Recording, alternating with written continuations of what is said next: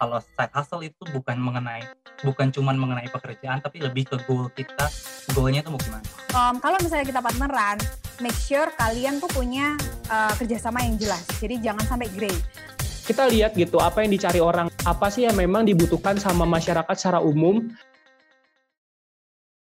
Side hustle ini memiliki banyak manfaat, di antaranya dapat memacu semangat, menambah kepekaan dalam menyelesaikan masalah, meningkatkan kepercayaan diri, dan berpotensi mendapatkan penghasilan dari apa yang sedang dilakukan dalam set hustle ini. Sebelum kita masuk ke sesi presentasi, izinkan saya nih ingin menyapa satu persatu para panelis. Yang pertama, saya ingin menyapa Kak Distra Fantari selaku founder and CEO Talkabout Indonesia. Selanjutnya, saya ingin menyapa narasumber kita yang kedua, yaitu ada Kak Christine Yunita selaku founder and CEO dari Nanas Media. Mengenalkan narasumber kita yang ketiga, yaitu ada Kak Fir Saujana selaku owner uh, Ethnic Coffee and Fashion. Sip deh kalau begitu. Maka dari itu kita langsung aja masuk ke sesi presentasi. Nah, maka dari itu saya ingin mengundang nih untuk narasumber kita yang pertama, yaitu Adistra Fantari selaku founder and CEO Takabot Indonesia. Untuk waktu tepatnya, saya persilahkan. Thank you ya uh, Cynthia. Ya halo semuanya, selamat siang. Uh, perkenalkan nama saya Distra, founder and uh, founder and CEO dari Talkbot Indonesia. Hari ini kita bakal bakal bahas side hustle ya. Uh, kita kita anggap aja diri kita tuh yang di bawah sini, yang di bawah tangga. Itu yang paling ujung adalah goal. Kita mau apa namanya side hustle itu tuh beda sama side job. Karena kalau side job kan ya udah kita punya punya kerjaan uh, apa namanya di luar pekerjaan kita yang utama kalau side hustle itu bukan mengenai bukan cuma mengenai pekerjaan tapi lebih ke goal kita goalnya itu mau gimana pertanyaannya menurut menurut saya yang bagus itu adalah goals apa sih yang mau kita achieve? Apa hal yang mau kita pertaruhkan biar uh, apa namanya saat saat kita mau side hustle? Apa yang mau kita pertaruhkan di sini gitu karena pas kita lagi side hustling pas kita lagi side hustling itu kalau kita lihat ada ada digambar kan ada you ada goal di situ ada struggle ada ada tangga-tangga dan itu tangganya panjang banget untuk uh, untuk struggle-nya. Nah what are you willing to struggle for? Ya apa? Gitu aja sih. Paling dari saya itu aja sih Cynthia. Thank you ya. Oke deh, thank you buat Kak Distra. Sip deh kalau begitu, kita juga nggak sabar ya untuk mendengar presentasi dari Kak Christine Yunita selaku founder and CEO dan CMO Nanas Media. Untuk waktu dan tepatnya, saya persilahkan. Oke, halo-halo, semua bisa dengar ya. Nah, uh, tadi udah dikenalin, saya Christine Yunita, tapi biasanya orang-orang manggil saya CY, singkatan dari C sama Y. Terus hari ini saya mau sharing tentang uh, side hustle. Nah, um, kalau di dunia Nana sendiri, ini sih ide-ide contoh side hustle yang bisa teman-teman di sini untuk coba bagaimana cara memulai pekerjaan sampingan dan apa aja sih yang harus dipersiapkan. Nah, yang pertama uh, dari pengalamanku sendiri kita mesti lihat uh, opportunity, kesempatan yang ada. Um, mungkin kita ngerasa eh emang aku bisa jadi copywriter emang aku bisa uh, jadi uh, sosial media admin maybe. Um, tapi selalu ada yang pertama gitu loh untuk kita semua gitu. Tapi saat kita memutuskan untuk nggak ada salahnya kan kalau aku nyoba karena ya waktu hidup kita kita nggak tahu sampai kapan. Jadi kalau misalnya kita udah oke okay, aku mau coba. Kalau kita gagal ya at least kita udah coba gitu. Nah di situ yang harus kita siapkan lagi adalah prepare it well. Nah, uh, poin-poin yang penting yang aku breakdown adalah yang pertama aku mesti tahu target marketnya. Nah itu masuk ke produk. Jadi produk yang seperti apa yang cocok untuk target market itu gitu. Kemudian kita harus uh, prepare untuk financial budget juga. Terus aku finding partner. Nah partner itu aku mulai dari orang yang memang aku sudah kenal. Nah di situ um, kalau misalnya kita partneran, make sure kalian tuh punya uh, kerjasama yang jelas. Jadi jangan sampai gray. Harus benar-benar jelas, walaupun itu teman. Yang pertama, uh, kalian harus memastikan punya misi yang sama. Terus yang kedua adalah half budget. Uh, setelah itu kita harus memastikan untuk ngeset goals dan durasi. Nah, kenapa kok ngomong kayak gitu ya? Soalnya gini, uh, kita kan kalau bikin sesuatu tadi udah dijelaskan di uh, presentasi yang pertama, kita mesti tahu kamu ngapain, apa sih yang kamu achieve gitu. Nah, sama. Jadi di sini aku juga mendurasi diriku sendiri. Uh, misal enam bulan aku mencoba untuk mengerjakan ini, passionku ini. Enam bulan apakah menghasilkan gitu. Enam bulan aku kasih durasi, terus aku set goals, goalsnya berarti sampai A atau B atau C itu terserah kita masing-masing. Nah setelah itu kita coba jalanin.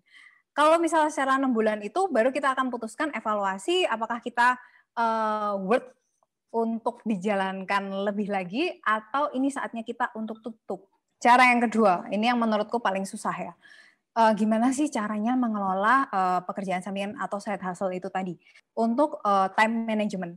Jadi time managementnya aku mau nggak mau harus benar-benar disiplin dengan diriku sendiri yang pasti jangan lupa kita harus tetap ada holiday, teman-teman. Meeting, nah karena aku partneran, jadi kita uh, melakukan meeting secara rutin supaya kita tahu uh, kerjaan yang sana sama kerjaan aku udah sampai mana gitu.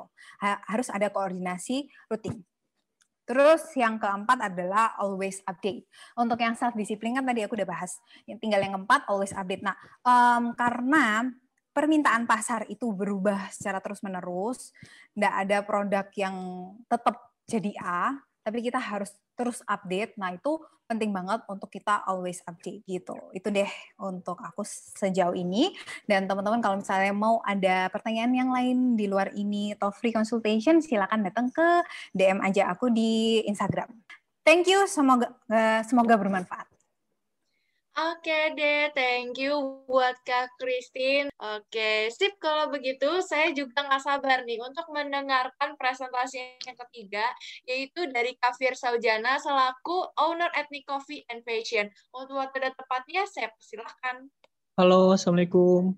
Nah, ini perspektif saya yang saya ambil saat apa karena memang saya menjadi seorang mahasiswa gitu, bahwa yang sering muncul adalah uang pas-pasan gitu terusnya susah banget untuk nabung dan juga lebih banyak pengeluaran daripada pemasukan.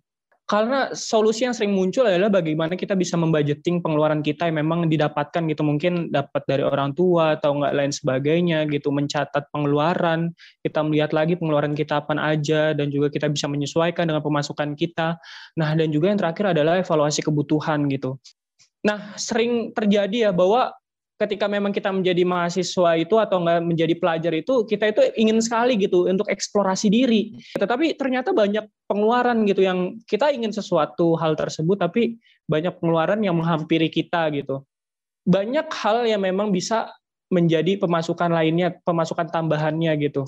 Pertama dari keahlian yang kita miliki bahwa kalau misalkan kita bisa dalam hal digital marketing nah itu kita bisa luangkan gitu uh, keluarkan kemampuan kita dalam hal itu. Kita bisa desain kita bisa uh, menggambar melukis. Ambil peluang-peluang dari keahlian kita. Kalau misalkan saya sendiri saya menghasilkan itu dari nomor dua nama sama nomor empat nih. Di hobi di hobi yang menghasilkan dan juga memanfaatkan yang yang sudah dimiliki di sekitar kita. Kalau misalkan yang ketiga ini kita lihat gitu apa yang dicari orang. Ini juga termasuk yang saya lakukan gitu apa sih yang memang dibutuhkan sama masyarakat secara umum. Seperti yang tadi uh, saya sampaikan ya bahwa memang usaha saya itu di bidang senjata tenun, di mana saya mengkolaborasikan dari hobi saya yang suka sama pengrajin tenun. Kita lihat gitu bahwa di masa pandemi memang orang itu nggak membutuhkan uh, gaya, nggak membutuhkan fashion gitu. Tapi saya melihat bahwa orang itu di masa pandemi ini membutuhkan makan dan minum gitu. Maka dari itu saya mengkolaborasikan nih antara saya menjual fashion, pakaian dan juga saya menjual kopi gitu. Jadi di kedai saya ini ada uh, coffee and fashion gitu. Jadi mengkolaborasikan itu. Nah, hal ini juga bisa teman-teman lakukan gitu ketika memang teman-teman itu mempunyai relasi di sekitar teman-teman itu yang bisa dimanfaatkan untuk dikolaborasikan apa yang memang menjadi keunggulan produk teman-teman dan juga apa yang menjadi uh, keunggulan produk orang yang kita ingin kerjasamakan sehingga itu bisa dikolaborasikan.